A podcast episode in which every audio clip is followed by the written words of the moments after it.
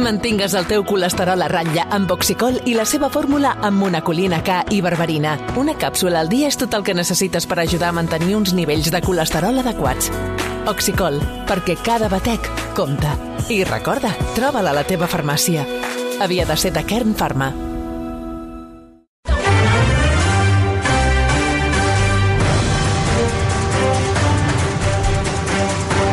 Obrim línies a Madrid. El president del Tribunal Superior de Justícia de Catalunya, Jesús María Barrientos, ha carregat avui durant l'obertura de l'any judicial contra el bloqueig en la renovació del Poder Judicial.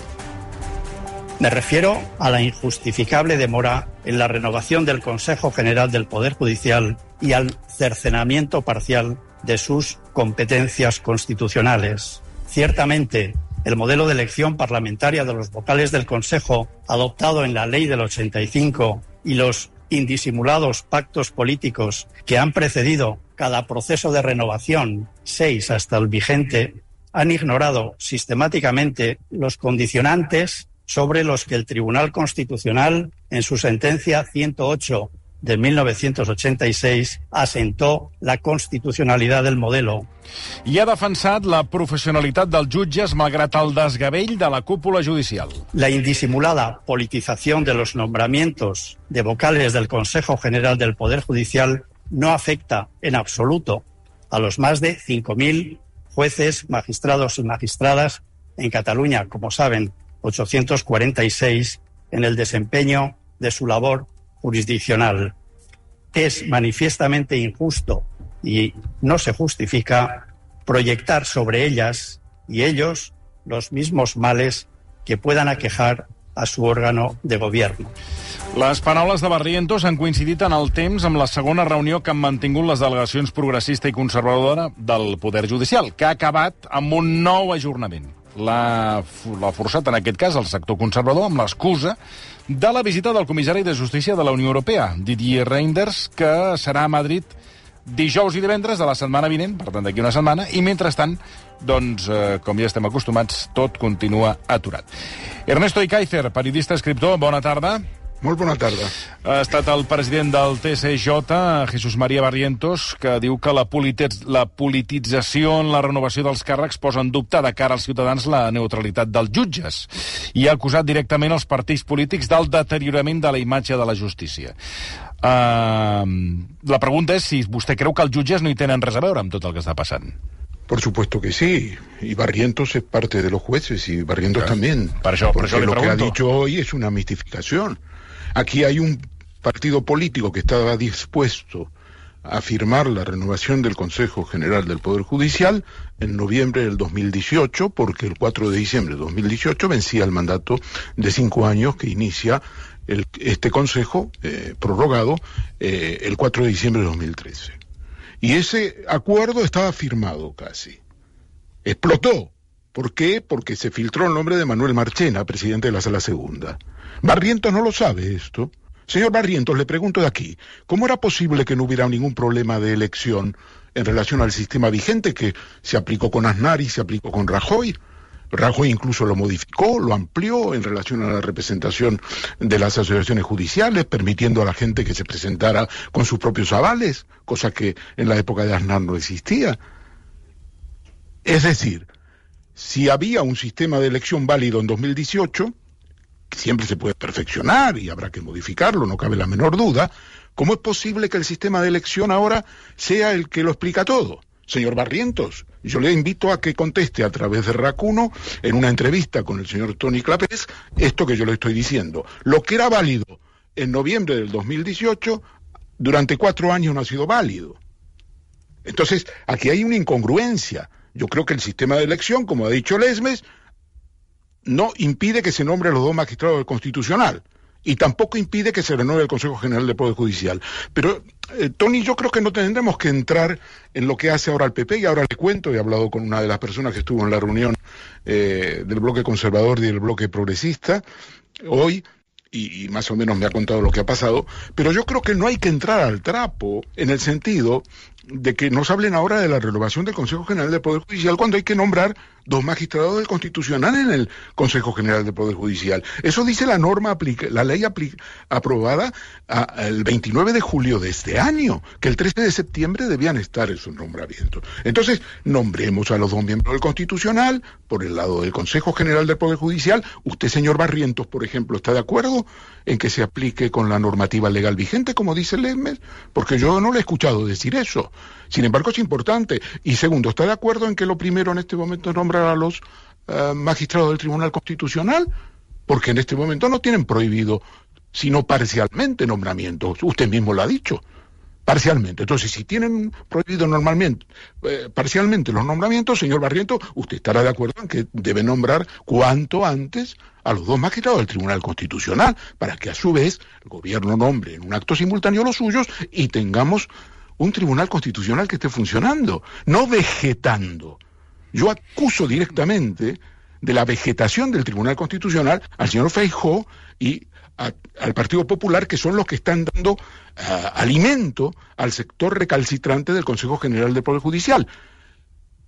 Y yo no quiero emplear la palabra politización en términos genéricos. Para mí tienen nombre y apellido. Son los miembros del Partido Popular, apoyados, perdón, por el Partido Popular, nombrados en su día por el Partido Popular, que no quieren nombrado magistrado constitucional. Lo que pasó en la reunión de hoy es un escándalo.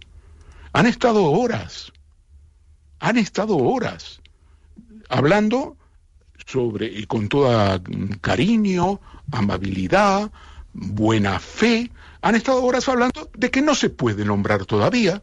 ¿Por qué no se puede nombrar? Porque dicen los vocales recalcitrantes, que yo les llamo así ahora, que no tienen candidatos. No tienen candidatos al magistrado del Tribunal Supremo. Pero si hay, si el propio sector conservador eh, progresista ha nombrado magistra, ha, nombrado magistrados que se han puesto en contacto con ellos, que no son del sector eh, progresista, María Luisa Segoviano, ¿eh? presidenta ah, de la Sala de lo Social que se necesitan magistrados eh, con experiencia en materia laboral, porque se va a discutir el tema laboral, eh, la, modificación de la reforma laboral de Rajoy va a ser un objeto del Tribunal Constitucional. ¿Y sabe qué, Tony? No hay un solo magistrado ya de lo laboral, en lo experto en laboral en el Tribunal Constitucional.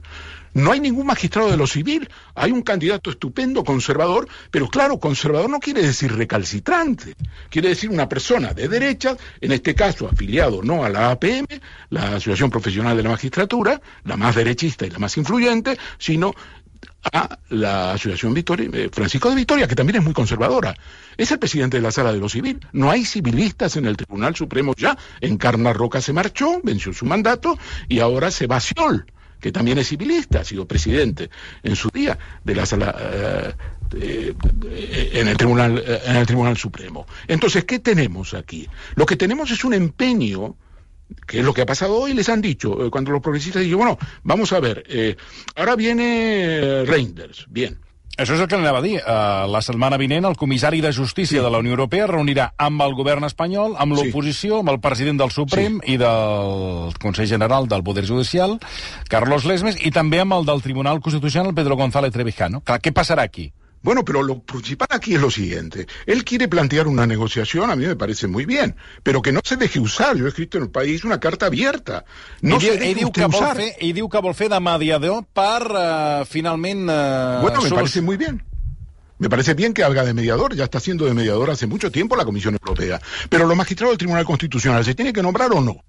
Dejemos el lado el Consejo General del Poder Judicial. Ya sabemos que el PP lo viene bloqueando hace cuatro años. Ahora tenemos un problema nuevo sobre la mesa los magistrados del Constitucional, ¿se tienen que nombrar o, no se tienen que nombrar? Se tienen que nombrar. Ya, están, ya están de acuerdo, han dicho en un pleno el día 8 extraordinario que sí, que van a nombrar. ¿Y por qué no lo nombran? Ahora hoy han dicho que no puede ser, porque no tienen magistrado. Hombre, no tienen magistrado. Por favor, es una tomadura de pelo. Es decir, hoy se les ha dicho, dice, oiga, eh, hasta el 29 no puede ser, porque el pleno ordinario está convocado para el 29, ¿de acuerdo? De septiembre. Eh, entonces no puede ser porque no hay tiempo, no hay tiempo. ¿Y cuándo va a ser? Bueno, ya veremos. En otros términos, ya sabemos que el 29 tampoco va a haber. Es decir, aquí hay un grupo de fascinerosos, ¿eh? de fascinerosos que incluso está dividido entre recalcitrantes y conservadores, ya, hay un grupo de fascinerosos que están riéndose del gobierno. Y ese grupo de fascinerosos tiene el apoyo de Feijó, porque evidentemente no lo hacen sin el apoyo de Feijó. Entonces yo creo que tenemos que dejar en los medios de comunicación, es una sugerencia, cualquiera puede tener su punto de vista, de decir que se enredan. Hoy he, leído un titular aquí en Madrid eh, de un diario pretendidamente nuevo que se llama El Periódico de España, dice los, los miembros de la comisión se enredan. Hombre, eh, decir que se enredan parece que la culpa la tienen todos, pero es que la culpa no la tienen todos. Los progresistas han presentado una lista de cinco candidatos. Todavía no han elegido el suyo porque ellos tienen que reunirse una vez que se haga, eh, se vean las dos propuestas y elegir el suyo. Yo creo que el candidato va a ser uh, Van porque me parece que es la persona mejor preparada y tal. Pero bueno, ya lo veremos eso. Lo que digo es que aquí hay unos que están bloqueando. Entonces, este llamamiento de Barrientos y en su día Lesmes a que se, los partidos y la política. Todo eso es viejo. Lo nuevo es, hay que nombrar cuatro magistrados del Tribunal Constitucional. El gobierno los nombrará, no tiene ningún problema. Está esperando simplemente que lo nombre el Consejo General Judicial. ¿Por qué está esperando? Porque hay algún magistrado que si el progresista que el Tribunal Constitucional, eh, que si el Consejo General del Poder Judicial no le nombra, el gobierno puede nombrarle perfectamente puede tenerlo en cuenta. El gobierno, en función de la especialidad de los magistrados que nombra el Consejo General del Poder Judicial, puede decidir si nombra un laboralista o un civilista. En esto consiste el tema. La derecha ha venido intoxicando a los medios de, comunicación, en primer lugar, el más intoxicador de todos, ¿eh? que es un medio digital, diciendo que el gobierno iba a nombrar a, José Ricardo de Prada, el magistrado de la Audiencia Nacional, de la Sala Penal, sección segunda de la Audiencia Nacional, que participó en el Tribunal de Gürtel, y a quienes todo el mundo le atribuye a la derecha eh, que Pedro Sánchez haya sido presidente del gobierno. Es mentira, el gobierno nunca nombra eh, jueces, generalmente nombra candidatos que son catedráticos y el gobierno está pensando en catedráticos y tiene una lista de catedráticos, ¿eh? hay alguna de, derecho penal, eh, muy importante, pero es en función de la vacante, de la especialidad que va a nombrar. Entonces, entonces yo lo que digo es que dejemos de decir, todos se enredan, eh, todos igual. Sí, sí, està clar. Eh, que ha, Porque no, aquí no Hi ha un interès per part de, del Partit Popular y de... Y, Pero los medios lo compran. Yo lo que pregunto es, ¿cuál es el sentido? Lo compran. Bueno, hoy mismo de la reunión, bueno, digamos, el país ha virado ya, por suerte, y tengo información sobre ese viraje, y no lo voy a decir aquí. Ha virado en el sentido de que ahora está llamando las cosas por su nombre. El titular de hoy, por ejemplo, a diferencia del titular que le he dicho del periódico de España, es el sector conservador eh, asegura que no va a haber magistrados en el Constitucional eh, por parte del Consejo General del Poder Judicial hasta eh, en el mes de septiembre. Eso, eso es correcto, es lo que ha pasado hoy, se han reído de ellos, no tenemos tiempo, no tenemos magistrados. ¿Y qué va a salir? Por arte de loque va a caer un paracaidista magistrado ¿eh? con el paracaídas, el día tal, no sé qué, el 3 de octubre, el 4, cae un magistrado de paracaídas y dice, oye, aquí tenemos el magistrado. Es todo un cuento, es todo un cuento y yo creo que, eh, hombre, eh, si en este país la prensa jugara el papel que jugaba en otras épocas, esto no podría hacerse de manera tan impune. El tema de Reinders es muy claro. Yo escribí la carta de Reinders que se titula Señor Reinders, no se deje usar, porque es evidente que se le está usando para decir que todos los partidos políticos son los que están bloqueando. ¿Eh? Pero bueno, yo supongo que el señor Reinders sabrá lo que tiene que hacer. Y, como comentamos eh, sobre el discurso del señor Lesmes en, el, eh, en la apertura del año judicial, era muy claro lo que le dijo, lo tenía... Bueno, el señor Lesmes va dir que si no hi havia renovació que dimitiria, de moment a dia d'avui no ha, encara no ha dimitit. No, no, no, bueno, se ha fijado la fecha del 12 de octubre. Él dice que sea hasta el 12 de octubre, es lo que dicen los próximos, eh, sus íntimos, si el 12 de octubre no hay solución con los magistrados bueno, el 12 constitucional... El 12 d'octubre ja el trucaré a veure què fa Lesmes. Por eso, pero es el Tribunal sí, Constitucional constitucional, insisto. Sí, sí, por eso sí, que él está, Entonces vamos a ver, pero eh, yo digo una cosa, si Feijo va bien en las encuestas, porque eso es una realidad, sí. todas las encuestas lo ponen en la Moncloa. ¿eh? Si hicieran hoy las elecciones, sacaría, no sé, cerca de mayoría absoluta, incluso dicen. ¿Cuál es el problema de renovar el Consejo General del Poder Judicial? Bueno, potser es pensa que fent això, potser es pensa que fent això li dona, li dona, li dona vots, no ho sé. ¿Le, Escolta, le- le- le dona votos o le permite controlar la situación política? també és, també és possible, també és possible. Escolti, eh, volia preguntar-li sobre una imatge, perquè he pensat bastant en vostè, la, imet, la imatge del rei Felip VI amb el rei emèrit a Londres. Com ho va viure vostè, això? Bueno, yo creo que... eh, Perquè tot i que no es volien veure ni en pintura, doncs els van assentar junts. Bueno, los sentaron juntos. Sí, sí, bueno, ja, ja, per això dic que, que no ho volien, no volien aquesta imatge i els van, a, els van asseure junts. Vull dir que, clar, Bueno, yo no sé si no querían esa imagen. Eh, mire, yo de todo esto no me creo nada. ¿Sabe lo que le digo? ¿A qué De referéis? toda la milonga esa entre el Felipe y su padre y todo eso, yo, lo que se le atribuye a otro, yo... eso què no- vol, que lo no? que sí te creo, lo que sí creo, Sí. espere, de toda la milonga no me creo nada de lo que dice. Pero ¿qué lo milonga? que sí me creo, lo que sí me creo es que a la casa de su majestad el rey no le interesa que el rey venga a España y por eso está allí. Eso sí, eso sí, eso me parece claro. Y eso es lo que me parece es interesante, porque el rey puede venir a España eh, perfectamente. Quiero decir, no hay ningún motivo, eh, desde luego no hay motivo, ningún motivo legal, porque las investigaciones se han eh, cerrado. eh, no hay ningún motivo mm, fiscal, la investigación se ha cerrado eh, y tal. Lo único que hay abierto es un procedimiento que yo creo que es muy serio, siempre he insistido en este programa y, y, Sí. en fin, parece que la prensa se ha enterado un poco después eh, y digamos... eh, procediment que es el de Londres, Sí. es precisamente el de Londres. Entonces, eh, el problema consiste en que no nos explican por qué el rey está allí. Entonces cada uno saca su conclusión. Unos dicen que es obra de Pedro Sánchez. Otros dicen que Pedro Sánchez no quería que fuera el rey a- a- al funeral, el, el día del 2 Bueno, alguns diuen que era el rei eh, Felip VI, que tampoc... otros dicen que fue el rey. Por eso, existen distintas versiones. Ve- Vete a saber.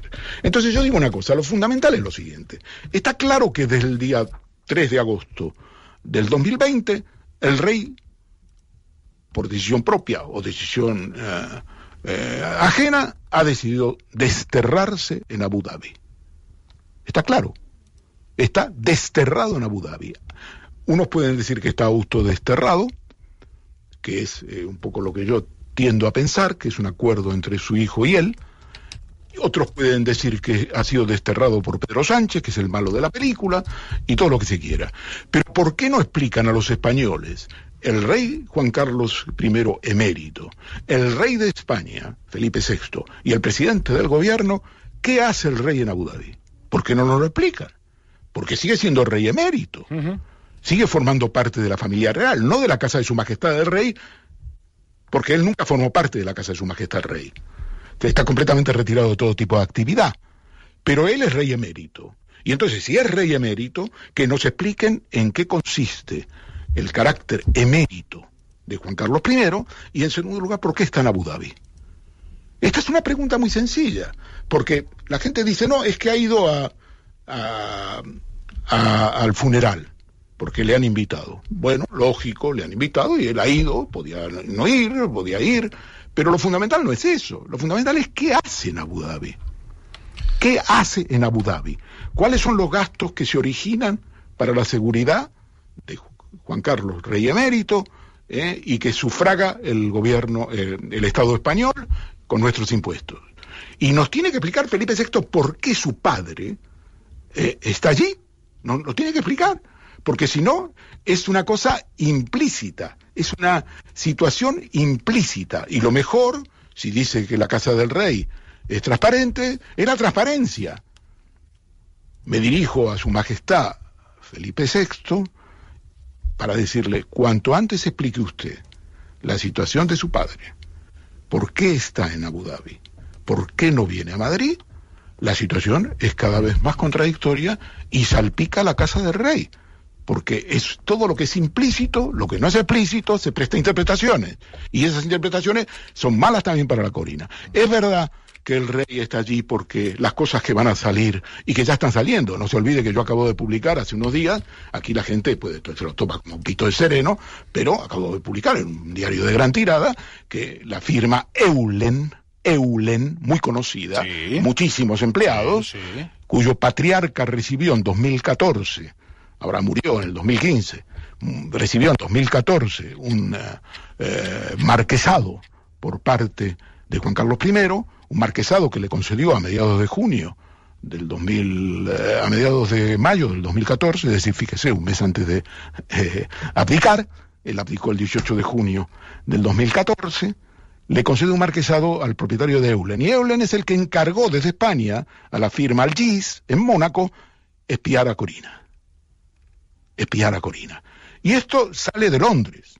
Y le digo que van a salir muchísimas más cosas de Londres. Muchas más cosas. Y cosas muy de carácter personal que por lo tanto salpican a la corona. Pero lo que la corona haría muy bien es deslindarse ella mismo. Es decir, el señor Juan Carlos I está en Abu Dhabi por un acuerdo entre Felipe VI y Juan Carlos I. Si es así. El señor, el, rey emérito está en Abu Dhabi por decisión del gobierno de la nación, porque ha considerado que es mejor que esté allí. Muy bien, pero así sabemos a qué atenernos. Digamos, este es un juego realmente donde nos toman por imbéciles, por niños. Esta es la democracia que tenemos. Hombre, no, es que usted, Tony, yo, Tony Clapés, tengo que suponer que está allí por... Pero, a ver, ¿y por qué hay que suponerlo? ¿Por qué no lo sabemos? ¿O está en una función diplomática? No lo sé.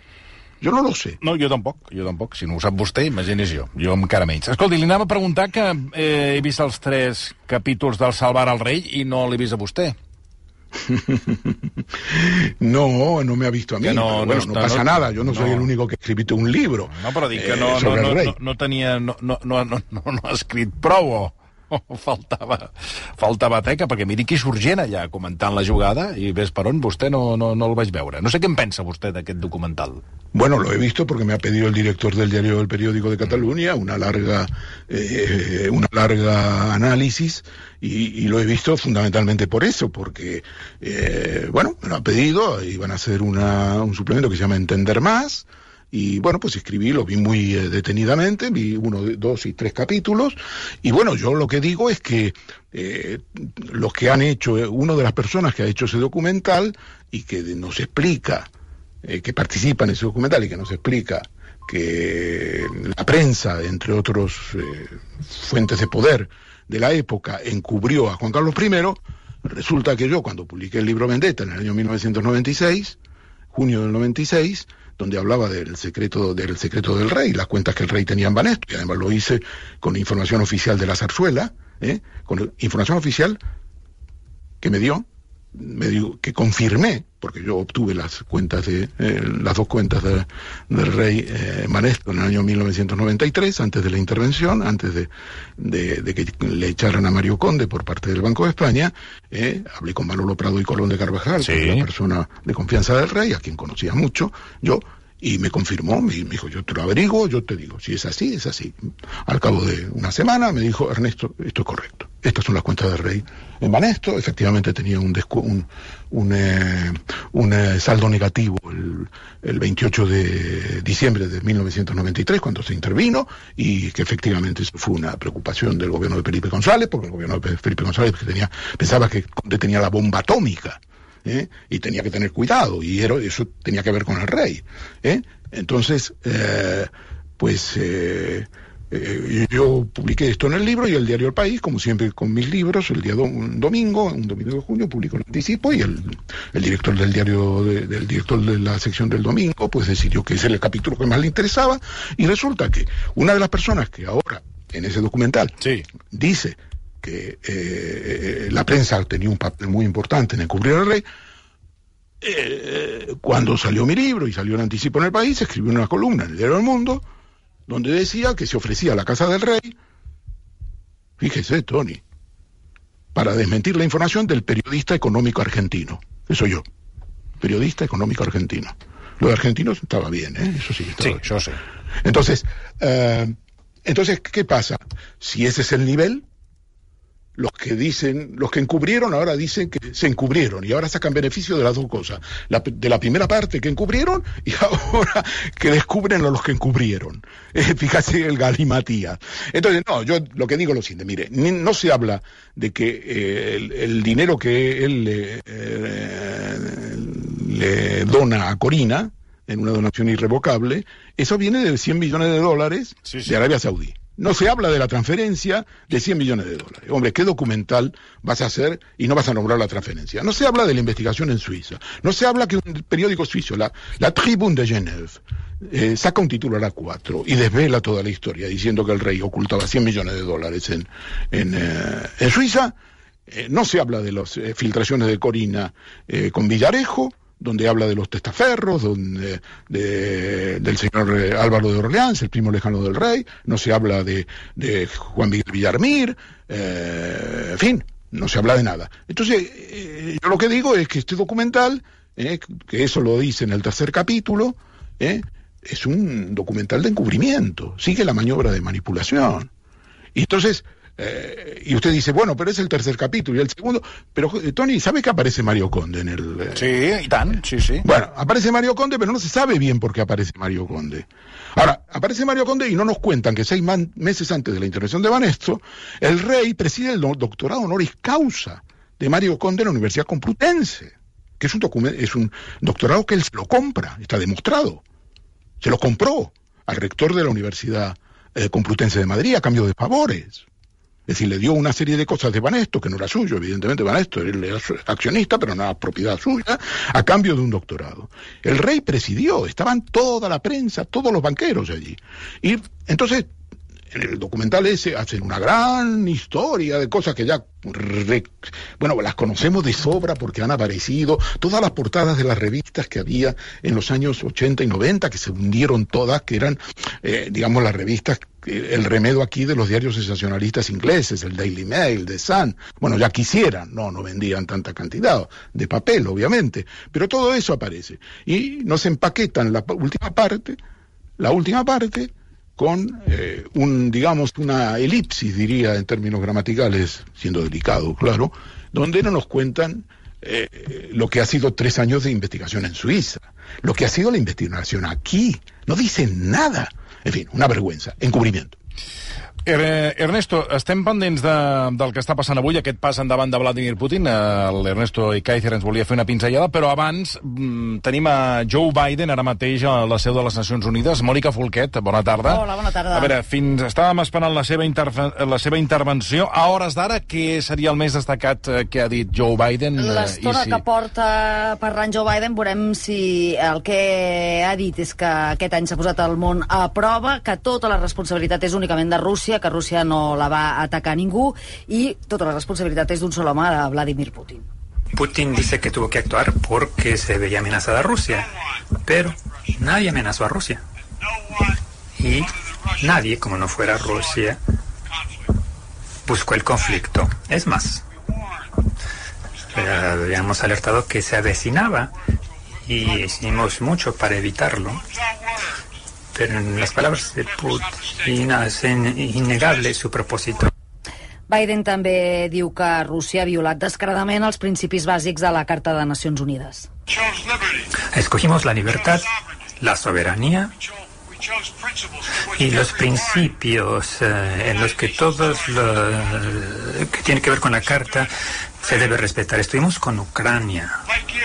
Al igual que ustedes, eh, los Estados Unidos quiere que llegue a su fin esta guerra en términos justos, en condiciones que todos aceptamos. Pero no puede uno hacerse con el territorio de una nación a la fuerza. El único país que lo obstaculiza es Rusia. I també s'ha referit Toni a la crisi alimentària generada arran de la invasió russa d'Ucraïna. Mientras Rusia está cegando vidas y tratando de culpar por la crisis alimentaria a las sanciones que fueron impuestas por muchos en el mundo debido a la agresión contra Ucrania. Así que lo voy a decir con todas las letras. Nuestras sanciones, de manera explícita, permiten a Rusia el poder exportar alimentos y fertilizantes mm, sin límite alguno. Es la guerra de Rusia la que ha agravado la inseguridad alimentaria y solo Rusia puede terminarla. És a la traducció en directe de, que arriba de les Nacions Unides del discurs que continua de Joe Biden en aquesta seu. Ernesto, no sé, després del moviment avui de Vladimir Putin, com, com analitza i com veu eh, aquesta guerra? Bueno, yo creo que eh, este, este, discurso de, del zar, del nuevo zar eh, de la Gran Rusia, eh, no se puede eh, explicar sin el avance exitoso de la ofensiva del ejército ucranio en las últimas dos semanas. Eh, esta es la consecuencia, es decir, esto ya ha sido, yo he visto un programa en la televisión rusa, una especie de esos programas que hay aquí también en España, muy parecidos, con gente de cada partido, todo muy seleccionadito, ¿no? Y tal, pero había un periodista que tiene una tradición eh, no independiente, pero sí un tío que, en fin, que está muy vinculado, que estuvo muy vinculado a Putin, y dijo, hay que sentarse a negociar. Esto ha fracasado, y cuanto antes salgamos de esto, mejor. Bueno, todos se le echaron encima, desde luego, le llaman traidor y todo. Dice, a mí no me importa lo que digáis, yo lo que te digo es, desde el punto de vista militar, Rusia no puede ganar esta guerra, porque el ejército ucranio está muy bien armado, muy bien entrenado. Y nosotros no tenemos capacidad. Esto lo dijo hace una semana. Y entonces, lo que pasa ahora es que eh, es curioso, porque claro, eh, Putin lanzó esto como una operación eh, especial. Y ahora nos viene a decir que está en juego la supervivencia del país. ¿Qué diferencia entre una operación especial y la supervivencia del país? Y por eso moviliza a los reservistas. Hasta ahora ha estado llevando gente, carne de cañón, como se decía en las viejas, épocas de la Primera y la Segunda Guerra Mundial, pagándoles 3.000 ru eh, rublos o algo así, o un poco más, no, de 3.000, el equivalente de 3.000 euros o 3.000 dólares, eh, gente muy pobre, muy pobre, que no podía sobrevivir y entonces que se enrolaba en el ejército ruso. Ahora tiene que ir a la movilización y vamos a ver cómo lo hace. Pero la situación de Putin a mí me parece muy, muy, muy comprometida. Me da la impresión de que el discurso de hoy es un discurso donde ya está preparando eh, aparte de, el, a, además ha dicho que lo fundamental en este momento, el gran objetivo de esto, es el control de todo el Donbass. Pero es que, claro, el Donbass eh, hay una ofensiva que le está poniendo en cuestión Sí, el. Donbass. No, no, per això. Aquí... Entonces, da la impresión de que eh, hay una presión de la India, una presión menor de China, hay una presión de Erdogan, y yo no descartaría, eh, junto con este viraje que aparentemente lo generaliza y, y plantea en Rusia el tema de la necesidad de apoyar al, al régimen y, y apoyar la guerra, no descartaría eh, dentro de un tiempo que no puedo eh, eh, cuantificar, que se abra una posibilidad negociadora, porque Rusia no va a ganar. Rusia no puede ganar ya esta guerra. Lo está demostrando eh, con las derrotas que está sufriendo las últimas semanas. El, el ejército ruso está en retirada. Entonces, me da la impresión de que eh, la gente dice, no, esto va a ser peor en el invierno. No lo sé, yo creo que se puede plantear cualquier situación, cualquier situación está abierta. Yo soy de los que pensaban que no iba a invadir. Yo soy de los que pensaban que eh, si invadía es que la guerra duraba poco. Yo soy de los que pensaban que la guerra iba a ser eterna. Pero ahora pienso que no va a ser eterna. se lo he dicho todo, ¿no, Tony? Jo crec que, en fi, m'agafo a la seva darrera reflexió, que no sigui una guerra eterna. Avui ho hem de deixar aquí. Ernesto, moltíssimes, moltíssimes gràcies. Una abraçada. Gràcies. Gràcies, bona tarda. Adéu. I jo, amb el teu permís, Marta, me'n vaig cap al teatre. I tant, ja fa estona que t'està sonant el mòbil sí, del sí, perquè taxista, el deu estar esperant a baix. El taxista està... Si ens escolta- Sí, l'estic... està un punt nerviós. Un moment que Baixo baixa. de seguida, me'n vaig al Goya, on eh, m'espera un... Eh, en fi, un, el que en diem un cartell de luxe d'actrius de primera fila on crec que estan protagonitzant un dels èxits d'aquesta temporada. La trena. D'aquí 20 minuts ens retrobem. Fins ara. Perfecte, fins ara. Versió RAC 1.